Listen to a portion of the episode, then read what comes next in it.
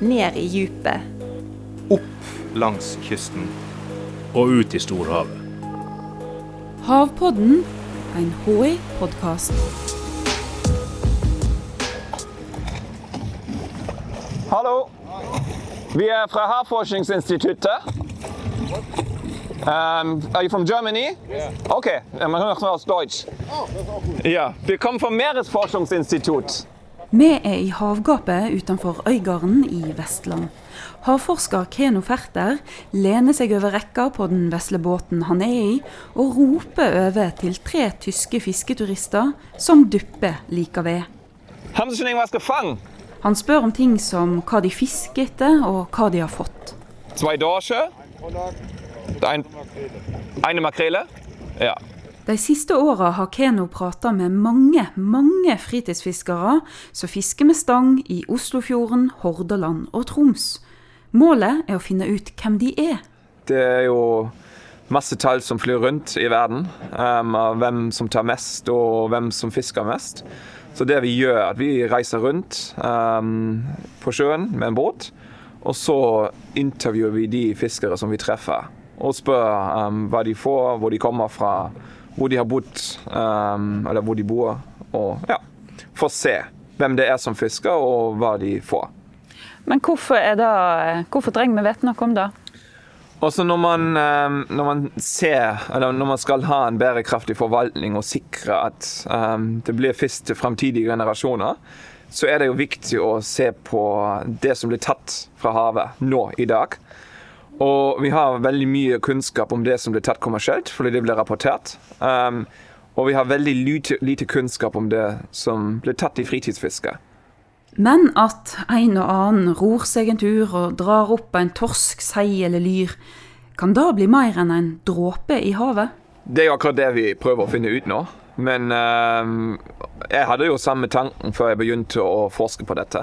Fordi når du er ute på sjøen uten å se noen rundt deg, og tar den ene eller andre torsken, så er jo det én fisk, liksom. Men um, når du ser helheten og vet hvor mange som egentlig fisker, så blir det ganske mange fisk til slutt. Fritidsfiske er da folk fisker på hobbybasis. Men utover det så er fritidsfiskerne veldig ulike. Eh, hvem er den der typiske fritidsfiskeren i Norge i dag? Ja, Den typiske fritidsfiskeren, den, den finnes ikke. Det er, det er, og det er det som gjør forskningen vår så spennende. At vi, vi ikke vet hvem vi egentlig har å gjøre med. Um, altså det, det, er helt umulig å definere én fritidsfisker. Det um, og det, det, blir mer og mer kjent nå, jo mer det forskes på. Det, det er liksom et, et, fenomen som mange har oppdaget nå de siste årene. At man har prøvd å kategorisere den ene gjennomsnittsfiskeren, og så er det kanskje noen som, som går rundt den, det gjennomsnittet. Men det er, altså det er, de som vil få veldig mye fisk. De vil fylle fryseren så fort som mulig. Og så er det de som drar på fisketur uten at de vil ha noe fisk. Så nå bare siste helg så traff jeg en som um, som vi, som skulle intervjue, da, og han sa nei, jeg fisker jo egentlig ikke. Det, ble, det var bare altfor varmt på land, så jeg måtte bare komme meg ut. Og så sa jeg ja, men du fisker jo. Ja, men dette gjør jeg bare for å ha en grunn til å være ute på sjøen. Så det er veldig stor variasjon. Det, det, det er umulig å definere den typiske fiskeren. For å forenkle så deler forskerne den store gruppa fritidsfiskere i to. Det er de norske fritidsfiskerne og fisketuristene som kommer tilreisende fra utlandet, ofte Tyskland, ens ærend for å fiske. Folk som bor i Norge, de kan bare, bare dra ut spontant, og så fisker de i noen få timer. Og, og dra inn igjen. Mens de som, som reiser hit for å fiske, de, de, de har betalt masse tusen kroner for, for fiske i Norge. Og da skal de fiske. Så de um, er gjerne ute i, i, mange flere timer enn den gjennomsnittlige norske fisketuren. Og så um, er det ofte også flere fiskere om bord, fordi de kommer som en gruppe, og så fisker de.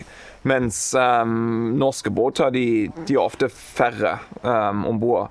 Eller ofte familier da, altså med barn. Og det ser vi sjelden blant turister. Da er det ofte ja, gutte, guttetur. Keno og kollegaene hans har vært i felt og intervjua fiskere over flere sesonger. Og nå har de begynt å finne svar altså Fritidsfiske har en ganske stor betydning i kystsonen. Det vet vi nå. Um, det er det vi har funnet ut. Vi, vi, vi, vi har ikke den, opp, den lokale oppløsning, så det er noe som vi må se nærmere på. Om det faktisk bør ses nærmere på reguleringer i kystsonen. Um, så, så det vi vet, er at det ikke er bare en dråpe i havet. Ja, og eh, hvordan, altså hva er det dere ser eh, som gjør at dere kan si at dette faktisk utgjør en del av kaka?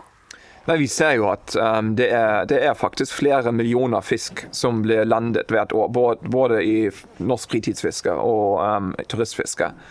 Og, og når, det, når det er snakk om så, så store kvanta, så er det helt klart at det er noe som må, må tas høyde for i bestandsberegningene. De som fisker med fiskestang, står altså for et betydelig fiske i Norge. Men hvor stor del av denne kaka tar de utenlandske turistene? Vi hadde tre studieområder. Det var Oslofjorden, Hordaland og Troms. I um, Oslofjorden er det veldig lite turistfiske. Der er det mest fastboende. Mens i, i Hordaland og i Troms så står turistene faktisk for en halvpart eller faktisk mer. Så da, er det, da har turistene en, en ganske stor, stor effekt. Det jo, har jo vært en del eh, diskusjon eh, i media, eh, debattinnlegg og den type ting, der en sier at eh, turistene tar all fisken vår. Ja, og det, det er jo ikke sant. Fordi um, de tar gjerne halvparten, men um, de tar ikke alt. De utenlandske turistene står altså for halvparten av det som blir fiska med fiskestang i Norge. Men nordmenn fisker òg med garn, line og teine, og det er ikke med i regnestykket. Det vi også ser når vi, når vi har disse intervjuene i felt, ser at turister er veldig godt kjent med regelverket. De fleste turistene de vet om minstemålet, um, og de forholder seg også til minstemålet. Um, og det er fordi de bor på turistfiskeanlegg der det finnes en vert som gir dem opplæring før de begynner å fiske. Um, og, og vårt inntrykk um, når, vi, når vi er både ute på sjøen og også når vi besøker turistfiskeanlegg, er at de oppfører seg um, stort sett veldig godt. Hva har du fått? Ingenting? Helt dødt i dag? Norge er et av de fineste landene i verden egentlig i forhold til fritidsfiske. Og vi har som mål å jobbe videre dette i, i, i mange fra, år fremover nå for å kunne sikre at vi kan fortsette med dette fisket som vi gjør i dag. Og at fremtidige generasjoner får oppleve og få samme gleden av den, den fisking vi gjør i dag, også om 50 og 100 år. Havpodden er en podkast fra Havforskningsinstituttet. Jeg heter Stine Hommedal og jobber her.